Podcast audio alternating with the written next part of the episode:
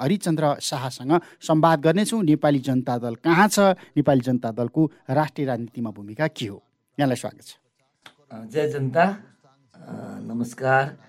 दसैँको यो दुर्गा माताको यो पावन अवसरमा सबै नेपालीलाई शुभकामना छ। हराउनु भयो तपाईँहरू? छैन राजनीतिमा कुनै भूमिका? अब यो यहाँले नै पहिला नै भनिहाल्नुभयो संविधान सभामा त योगदान भयो तर त्यसपछि पार्टी नै कता हराएको जस्तो यहाँलाई फिलिङ भएछ त राम्रो कुरा हो त्यो।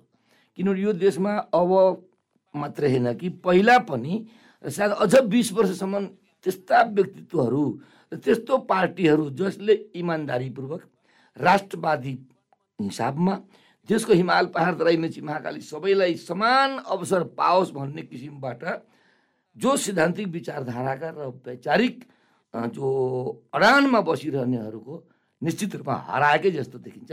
तर पार्टी हराएको छैन। पार्टी छ। निर्वाचन आयोगमा हामी दर्ता गराएका छौँ। तिस वर्ष भयो। राजनीतिमा हामी अगाडि बढेका छौँ। हाम्रो वैचारिक यहाँहरूले सोधिनु भएको छ यहाँहरूले बोलाइदिनु भयो। त्यो चाहिँ पार्टी हराएको भन्दा पनि हामी तपाईँहरूसँग विचार आदान प्रदान अझ पनि देशलाई सन्देश दिइरहेछौँ। र यी लुटेराहरूको सरकार अब भ्रष्टाचारीहरूको सरकार कर छलुवाहरूको सरकार नेपाली बेचुवाहरूको सरकार यस्ताहरूले त हामीलाई छायामा पारिहाल्छ नि। एजेन्डा हरायो तपाईँहरूको एजेन्डा गतिलो भएन जनताले पत्याएन एजेन्डा तपाईँले कृष्णजी एजेन्डा हराउनु भन्दा पनि के हुन्छ भने जब हामी कुनै राम्रो काम गर्न खोज्या हुन्छौँ नि र जब यसले राम्रो काम गर्यो भने यसलाई हामीलाई खाइदिन्छ सिधाइदिन्छ भने उनी सत्ताधारीहरू सत्तामा बसेकाहरूले अरूलाई उठ्नै नदिने ठाडमास दिने आर्थिक रूपमा आक्रमण गरिदिने नैतिक रूपमा आक्रमण गरिदिने र त्यस्ता खालका मुद्दा मामलामा फसाइदिने र जनता कार्यकर्ताहरू पनि त्यस्तै त्यस्तै गरी को लोभमा लाभमा अब जनता देश गरिबीमा छ गरिबीमा भएपछि जताबाट पैसा आउँछ मान्छेको महादेवको त्रिनेत्र जता जता पैसा आउँछ त्यति बले जस्तै जनताको पनि त्रिनेत्र त्यसै गरी बल्दो रहेछ र जनता पनि मुर्गा मछली दारु नोटमै गएर भोट दिएछ। छोड्छन् छोड्छन् निश्चित रूपमा छोड्छन् पलायन हुन्छन् जान्छन् तर प्रतिबद्ध कार्यकर्ताहरू हाम्रो छ्यालिस जिल्लामा अझै पनि सङ्गठन छ र साथीहरू लागिरहनु भएको छ। त्यो एउटा भन्छ नि विचार लिएर अगाडि हिँडिरह्यो भने देशलाई हामीले सरकारमा नगए पनि हाम्रा केही विचारहरू हाम्रा केही विकासका कुराहरू केही योजनाहरू र नैतिकतामा आधारित जुन एउटा इमान्दारीपूर्वक गर्ने सेवाका जुन सिद्धान्तहरू छ पार्टीका जुन हाम्रो विचारहरू जुन दिएका थियौँ त्यसमा लागु भएको छ र अरूले पनि लागु गर्न गर्छन् तर त्यहाँ बेइमानीपूर्वकले गर्दा सबै देशको आर्थिक फन्दामा पारेर देशको आर्थिक स्थिति अहिले दसैँमा हेर्नुहोस् कति गाह्रो भइरहेछ।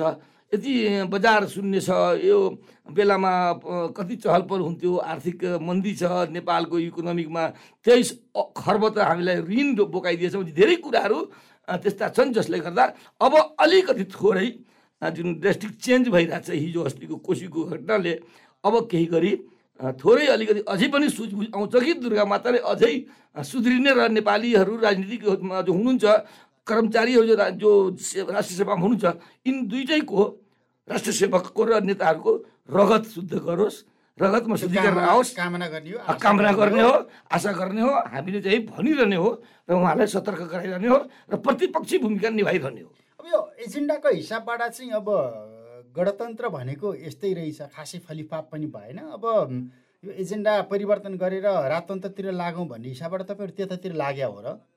होइन नेभर होइन नेभर त्यस्तो खालको कुरा हामीले हिजो अस्ति हामी हामी दुई हजार म बाल्यकालबाट दुई हजार बाह्र छब्बिस सालबाट म देशमा कम्युनिस्ट पार्टीमा चौबिस वर्ष बसेको म यो देशमा राजा राजा पेट से पैदा नहीं होता है राजा जनता के बीच से पैदा होना चाहिए भन्ने किसिमको एउटा नारा लगाएका थियौँ तराईमा भने पाहाडमा पनि हामीले त्यस्तो किसिमको होइन। हामी लोकतन्त्र र गणतन्त्र प्राप्त भएको यो देशमा संहिता प्राप्त भएको देशमा यसलाई विध्वंस गर्ने यसलाई पुरानै शासकहरूले फेरि पनि पुरानै ढाँचामा लैजाने अझै पनि वितृष्णा फैलाउने र राजावादी राजावादी ल्याउने भनेर हौवा फैलाउनेहरूको वर्चस्व किन भयो भने त्यो हाम्रै नेताहरू जो गणतन्त्र ल्याउनेहरू जो संहिता ल्याउनेहरू जो लोकतन्त्र ल्याउनेहरू उनीहरू नै त्यस्तो भ्रष्टाचारी गरिदिएपछि निश्चित रूपमा भन्ने ठाउँ चाहिँ यहाँले पाउनु भएको छ। पत्रकारले पनि सबै जनताले भन्ने ठाउँ पनि पाएका छन् र राजा पनि सक्रिय हुनुहुन खोज्छन्। तर त्यो सक्रियता देखाएर हुँदैन। राजा भनेको जनताबाट निर्वाचित हुनुहुन्छ गणतन्त्र भनेको गणतन्त्र हो र जनताको तन्त्र हो यो। यो कुनै राजतन्त्र आउने कुरा। भुरे टाकुरे आठ सय नौ सयवटा राजा जनताबाट निर्वाचित गरेर ती राजालाई पालेर बस्ने हाम्रो ल्याकती अलिकति भ्याएन। एउटै मात्र राजा ल्याउँ भन्ने मनोभावना हिजो गणतन्त्रकै लागि संहिताकै लागि मसाल बोकेकाहरू नै त्यो किताबमा उभिराखेका छन् नि त। स्वाभाविक रूपमा सात आठ सय भुरे टाकुरे राजा पाल्दाखेरि हामी यो यो अवस्थामा पुगिराखेका छौँ आर्थिक हिसाबबाट हेरौँ त। निश्चित रूपले हो त्यो चाहिँ। किनभने संविधानमा जुन हामीले संविधान लेखन क्रममा जुन हामीले दियौँ त्यो कुरामा चाहिँ एउटा निर्वाचन प्रणाली नै जुन गलत छ खल्तीबाट टिकट दिएर आफ्ना मान्छेलाई जिताउने ल्याउने र समानुपातिकमा पनि आफ्ना मान्छे आफ्नो नातागोता र के अरे चाकरबाजहरूलाई चाटुकारहरूलाई चाहिँ यो देशमा राजनीतिक पदमा पुर्याइदिएपछि निश्चित रूपमा चाहिँ त्यो मलाई दुःख लाग्छ। कि यो व्यवस्थामाथि प्रहार गर्ने गर्नुभन्दा पनि हामी जुन नेताहरू हाम्रो हुनुहुन्छ जो गणतन्त्र ल्याउने त्यो ल्याउने संहिता ल्याउने र तिनीहरू आफै प्रहार गर्दैछन् क्या? त्यस कारणले संविधानमा बनेको केही कुराहरू चाहिँ सङ्ख्यात्मक दृष्टि- दृष्टिकोणले चाहिँ निश्चित रूपमा सातवटा प्रदेश मात्रै मैले दिएको डिजाइन हो त्यो यहाँलाई थाहा छ विश्वलाई थाहा छ कि संसदमा संविधान सभामा र संवैधानिक समितिमा त्यो फ्लेक्स अँ, हजुरको छपाएर मैले सातवटा प्रदेशको के अरे नक्साङ्कन र त्यसको नामाकरण समेत दिएको थियौँ। सबै प्रदेशको त्यस्तै गरी छ। एउटा प्रदेश मध्य प्रदेशको चाहिँ मधेसको एउटा नामले छ। त्यो पनि ठिकै छ। एउटा मधेस हो ल ठिकै छ। मधेस तराई छ मधेस प्रदेश नाम छ नामाकरण ठिकै छ। जात जातीयबाट हामीले छुटकारा पाएछौँ। तर पायौँ कहाँ छुटकारा पाएनौँ भने हामी अधिकारबाट वञ्चित गर्ने सङ्ख्या धेरै बढाउने हाली मुहाली गर्न पाउने समानुपातिमा आफ्ना मान्छे पठाउने। त्यसका लागि सङ्ख्या जुन बढाएको छ त्यो आठ सय भन्नु यहाँले र दुई सय पचहत्तर चाहिँ केन्द्रमा यो पनि आवश्यकता छैन। जिल्ला यत्रो सतहत्तर जिल्ला छ होइन। यो सकेसम्म अझ जिल्ला पनि बरु कन्ट्रोल गरेर जनसङ्ख्या जहाँ छ हाम्रो एउटा हिमालको टाकुरामा एकजना जाति हाम्रो दाजुभाइ बस्नुहुन्छ नेपाली दाजुभाइ बस्नुहुन्छ हिमालका टाकुरामा बस्नु उनलाई बसोबासको व्यवस्था तल कतैतिर गरेर हिमालको संरक्षण गर्ने त्यो जङ्गलको संरक्षण गर्ने त्यस्तो किसिमको हामीले गर्नुपर्ने थियो आवासको व्यवस्था त्यस्तो खालको गऱ्यो भने जिल्लाहरू पनि नजिक नजिक बासिन्दाको कन्ट्रोल गरेर जिल्लाको परिसङ्ख्या गराउन सकिन्छ र यो निश्चित रूपमा आठ सय राजा जस्तो पालेर बसेका छन्। मै हुँ मै हुँ भनेर पुरानै शासकहरूले आफ्ना मान्छेको छत्रछाया राखेर पुरानै शासन प्र- प्रति पद्धति राखेपछि निश्चित रूपमा भन्ने कुरा चाहिँ भएको छ। त्यो राम्रो कुरा होइन। यसलाई हामीले एउटा नयाँ फर्मुला दिएको छु अब। मैले चाहिँ अब भर्खर हो नि भएन यसरी भएन। छोड्नु भएन तिस वर्षसम्म यिनीहरू त राम्रो कुरा होला जनताले राम्रो कुरा सुन्ला राम्रो सिद्धान्तलाई विचारलाई अँगाल्ला कार्यकर्ताहरू अगाडि बढ्लान् भनेर होइन रहेछ। अब हामीले जुन दल संसदीय दल हामी जुन प्रणाली छ यो प्रणालीमै लाग्ने साथीहरू कमन एजेन्डा लिएर हामीले सातवटा दल जति भर्खरै हिजो अस्ति हाम्रो ड्राफ्ट हुँदैछ। हिजो पनि म त्यसैमा बिजी थिएँ र ड्राफ्ट हुँदैछ। हामीले सायद एउटा नयाँ नाम राखेर नयाँ चुनाव चिन्ह लिएर नयाँ व्यक्तिलाई प्रदर्शन गर्ने योजना पार्टी पार्टीको नामै परिवर्तन गर्दै हुनुहुन्छ पार्टी एकता गरेर? अँ मैले के भने भने हजुरको जस्तै म एउटा हरिचरण शाह त्रिपन्न वर्ष भयो। राजनीतिमा चौबिस वर्ष कम्युनिस्ट पार्टीमा यता चाहिँ तिस वर्ष हजुरको जनै जनै भने पार्टी खोलेर नेपाली जनता दलको जुन सामाजिक न्यायको सिद्धान्त दिएको नेपाली जनता दल जस्तो एकदम राम्रो एकदम देवनागरी लिपिको नेपालको नेपालीको आफ्नै रङ पहिचानको नेपाली जनता दल कुनै पार्टी सार्टी होइन अङ्ग्रेजी नाम होइन अरू नाम होइन सम्पूर्ण नेपाली जनताको दल भनेर नेपाली जनता दल नाम राख्यौँ। बडा राम्रो नाम छ। म आफूलाई भन्छु साथीहरू पनि भन्नुहुन्छ यहाँहरूले पनि पढाइ गर्नुभएको छ मलाई मिडियामा अवसर दिनुभएको छ सबै पत्रकारहरूले। हरिचरण शाह नेता अँ ठिक छ राम्रो छु म। ए मै हो नेता भनेर म भन्ठान्छु मेरै नेपाली जनता दल राम्रो छ। चुनाव चिन्ह मेरो चक्र छाप। आउँदैन विष्णु च विष्णुको छ- चक्र कृष्णको चक्र अर्जुनको चक्र मजदुरको चक्का ठेलगाडाको चक्का चक्का छाप भनेपछि त देशभरिमा बडा राम्रो छ मेरो त। हो हो। दस वर्ष त हामी त संसदमा संविधान सभामा बसिसके पार्टी म त यहाँ कहाँ हुन्छ? मेरो ठुलो पार्टी भनेर म दुनियाँ कमान्ड गरेर हुँदो रहन्छ। अब केही नीतिमा परिवर्तन गरेर नमस्कार छाप। गीता छेत्री राणाज्यू। भानुराम थारूको पार्टी जो कक्षधारजी चलाउनुहुन्थ्यो। सुशासन पार्टी आमा पार्टी नेसनलिस्ट पिपुल्स पार्टी र राष्ट्रवादी केन्द्र भर्खर गठन भएपछि यी पाँच सातवटा गठन गरिएका पार्टीहरू जो हामी सत्यवादी र राष्ट्रवादी पक्षका मान्छेहरू जो छौँ हामी लिडरहरू छौँ त्यस्ता साथीहरू मिलेर हामीले के भन्यौँ त? ल सबैले त्याग गरौँ। हरिचरण शाह नेता नरहने नेपाली जनता दल नाम नरहने चक्का छाप नरहने हामी एउटा नीति राष्ट्रिय नीति बनाऊँ हिमाल पहाड तराई मेचीदेखि महाकालीसम्मको पूर्ण समानुपातिक प्रतिनिधित्व गर्ने सिद्धान्त पनि राखौँ र हाम्रो आफ्नो धार्मिक सांस्कृतिक जुन छ त्यसलाई पनि रक्षा गर्ने गरी हामीले एउटा नयाँ थिम नयाँ विचार दिएर नेपालमा यिनलाई अब अलिकति नठोकी भएन। ठोक्ने भनेको शान्तिपूर्ण तरिकाले वैचारिक सङ्घर्ष गरेर ठोक्ने हो। हामी त्यो कुनै अहिंसात्मक मात्रै लड्ने हो हिंसात्मक लडाइँ होइन। तर अब सुरु हुन्छ धेरै छिटो सुरु हुन्छ त दुर्गा माताले अब आशीर्वाद दिइसक्नु भएको छ हामीलाई। नयाँ पार्टी खोल्दै हुनुहुन्छ त्यो हामी सबैजना मिलेर नयाँ पार्टी हुन्छ कि? हाम्रो एउटा सिङ्गल चुनाव चिन्ह हुन्छ कि? एउटै चुनाव चिन्हमा हामी लड्छौँ कि? हाम्रो सहमति भइसकेको छ। अब यो औसतमा मधेसबाट आउने दलहरूमा चाहिँ यही खालको मधेस केन्द्रित राजनीति पार्टी नै भनेर चिन्थे नि सुरुका दिन। तपाईँ हिमाल पहाड तराई प्रभुत्व सबैतिर थियो तर सायद नामको हिसाबबाट अथवा नेतृत्वको हिसाबबाट। औसतमा समस्या यही मात्रै आउँदो रहेछ। पार्टी गठन हुने विघटन एकदम। रियल कुरा यो? रियल कुरा गर्नुभयो जब मेरो नुहार हेर्छ साथीहरूले। जब मेरो नाम हेर्छन् साथीहरूले र। अनुहार हेर्नुहुन्छ। कता हो राजा? जाजरकोटे राजा हो भनेर मान्छेले भन्छन्। दोलखामा मलाई त्यसै भन्नुभयो चुनाव लड्न गयो दोलखामा। तर यो देशमा विकृति के छ भने जुन डिफ्रेन्सिएसन ल्यायो नि अहिलेसम्म पनि एकछिनको लागि रियल कुरा प्र्याक्टिकल कुरा भन्दामा केही पनि मलाई जीवनमा कहीँ पनि मैले डर मानिनँ र मैले लाज पनि मानिनँ।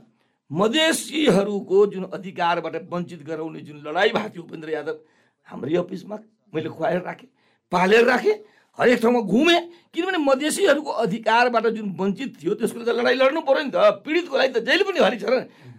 जहाँ पीडित छ जहाँ पीडा छ त्यहाँ हरिचरण उपस्थित छ। पाहाडमा दोलखामा म चुनाव लडेँ। तपाईँले भन्नु होला भोट मलाई सबभन्दा ठिक छ। सर्लाहीमा मेरो घर छ मेरो आफ्नो गाउँ छ आफ्नो क्षेत्र छ। त्यहाँ निश्चित रूपमा बढी भोट आयो सबभन्दा टप भोट आयो चौसठीमा निर्वाचनमा। र सेकेन्डमा रौथरमा आयो।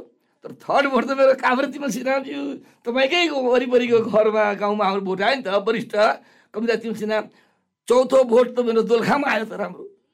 पाँचौँ भोट त मेरो सुर्खेतमा आयो। नुवाकोटमा महासचिव दिपक राज पाण्डे हुन्छ त्यहाँ आयो।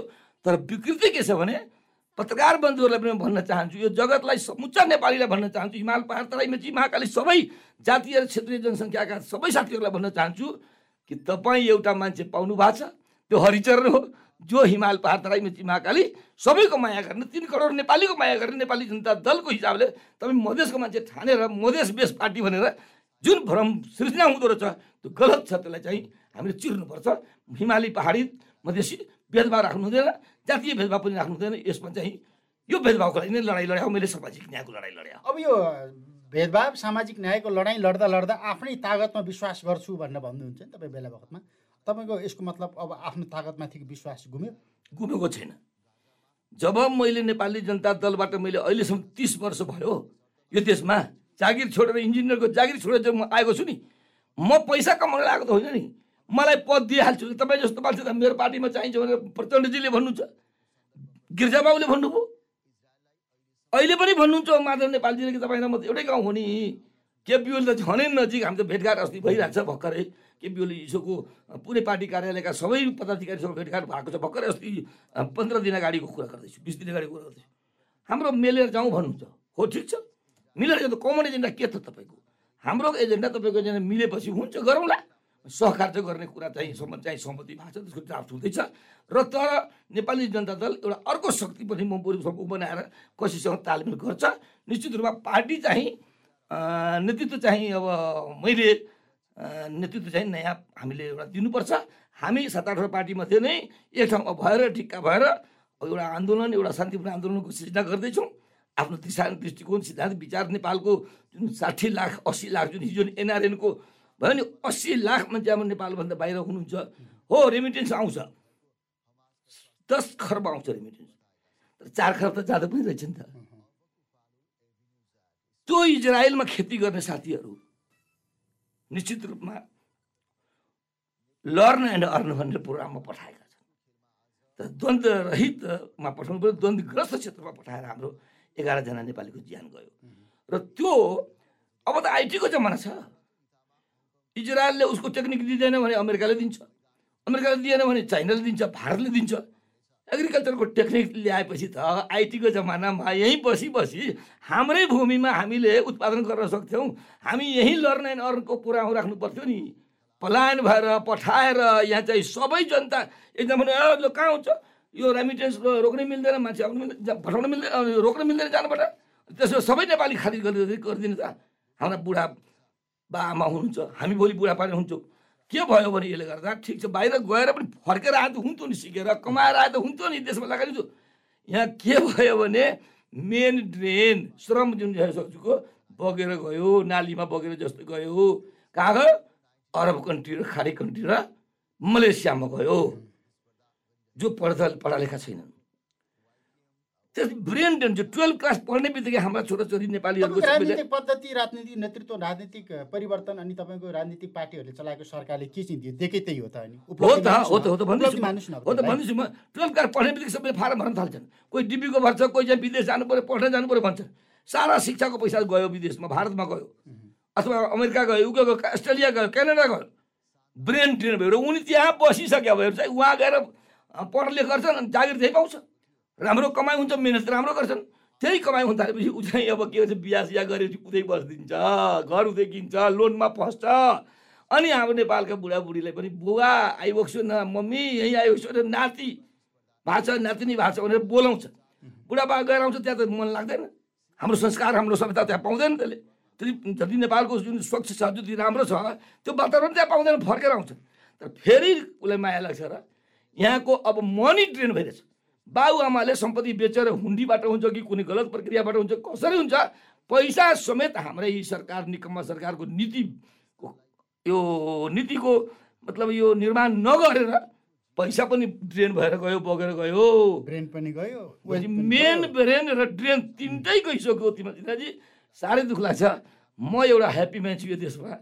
मेरा छोरा पनि पढ्न गएका थिए। उके जानुभयो गयो पढेर आउनुभयो इकोनोमिक्स पढेर। यहाँ दस बाह्रजना रोजगार लगाउनु भएको छ। मैले मैले सरकारी नोकरी नखाऊ है बेटा। म सरकारी नोकरी छोडेर आएको किनभने त्यहाँ प्रेसर गर्छन्। हाकिमहरू सचिवहरू ठुला ठुलाले मन्त्रीले पैसा माग्छ घुस माग्छ तिमी अनैतिक काम गर्नुपर्छ। गर्ने बाध्यता हुन्छ। सरकारी नोकरी खायो भने र तिमी गर्छौ तिमी गरेपछि उसलाई दिन्छौ।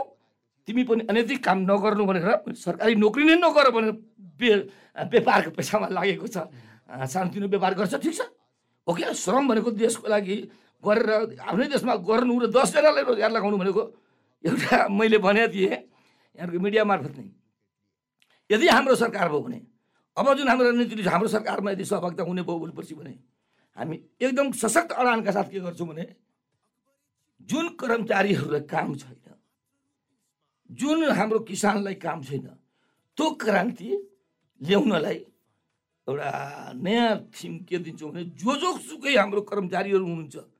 निजामती सेवामा हुनुहुन्छ सैनिक सेवामा हुनुहुन्छ प्रहरी सेवामा हुनुहुन्छ समय जुन उहाँको जुन बढी छ त्यो समयबाट उहाँलाई छुट्टी दिने काम छैन भने।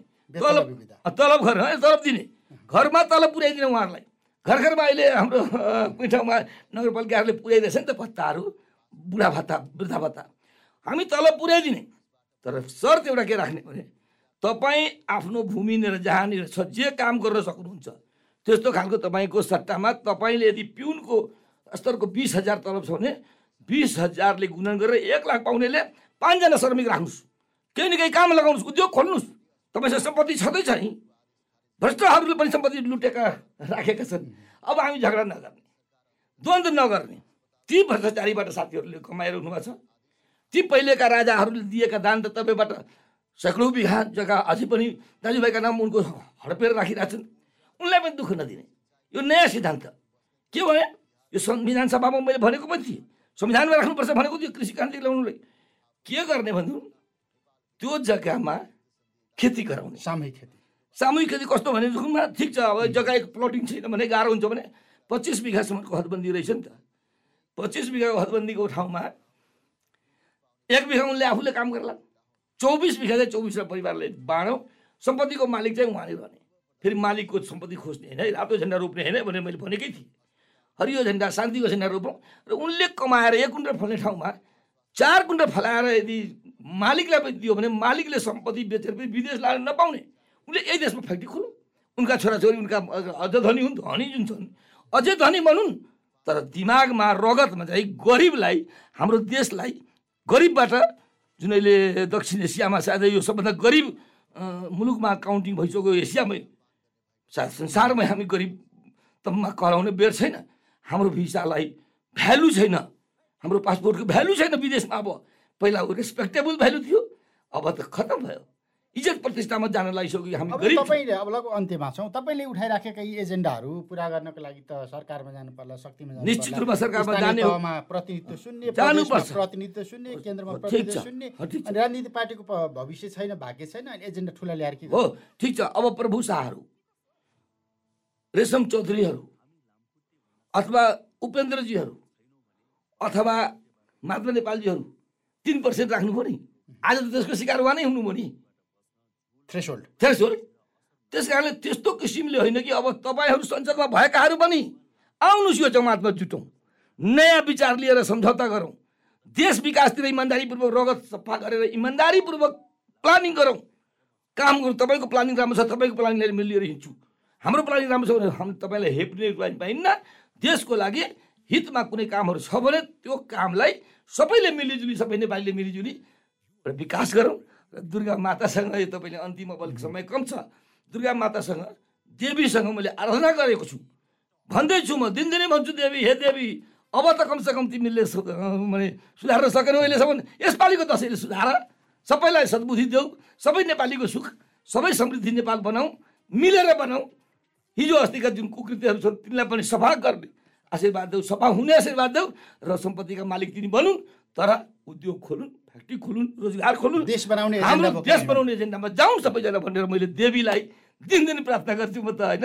हिन्दू दृष्टिकोणबाट म चाहिँ निश्चित रूपमा मेरो खानदानी पारिवारिक वंशानुगत जुन हाम्रो सत्कर्म छ जुन हाम्रो संस्कार छ त्यो संस्कार बहुत हिन्दू धर्म भनेको भन्दाखेरि सनातन जुन धर्म छ हाम्रो एकदम नरमपन्थी छौँ हामी त शान्तिपूर्ण छौँ हामी त हामी त हत्या हिंसामा विरुद्ध विश्वासै गर्दैनौँ हामीले शान्तिपूर्ण तरिकाले कसैलाई नमिठो बोलेर हिंसा नगरौँ मिठो बोलेर सबैजना मिलेर जाउँ न तपाईँको मिडियाले यस्ता कुरा प्रसार गरून् सबै मिडियालाई भन्न चाहन्छु मैले हिजो सूचना सनातन हिन्दू धर्ममा विश्वास गर्नुहुन्छ संविधान लेख्ने बेलामा यो नेपाल धर्मनिरपेक्ष राष्ट्र हुनुपर्छ भनेर टेबल ठोक्नु लेख्यो लिएर लेखे तिनीहरू होली वाइन खानेहरू थिए त त्यसमा होली वाइन ओलीजी पनि होली वाइनमा जानुभयो माधव नेपाल होली वाइनमा जानुभयो सुभाष नेमाङ स्वर्गीय हुनुभयो उहाँ पनि त्यस्तै त्यस्तैतिर जानुभयो अन्तर्राष्ट्रिय प्रेसर परेको होला।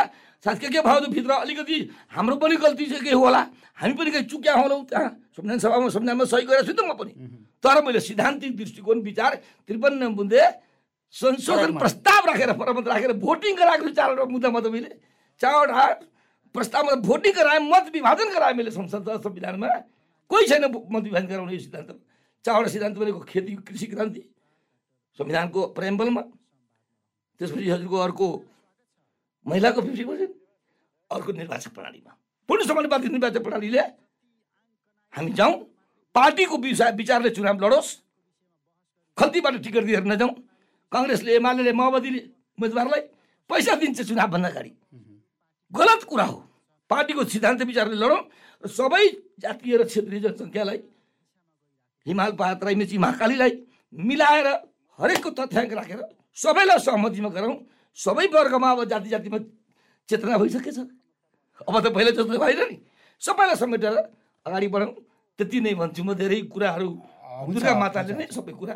निर्णय गरून्। यो देशका पशुपतिनाथले निर्णय गरून्। सबैलाई सद्बुद्धि दियोस् जय जनता।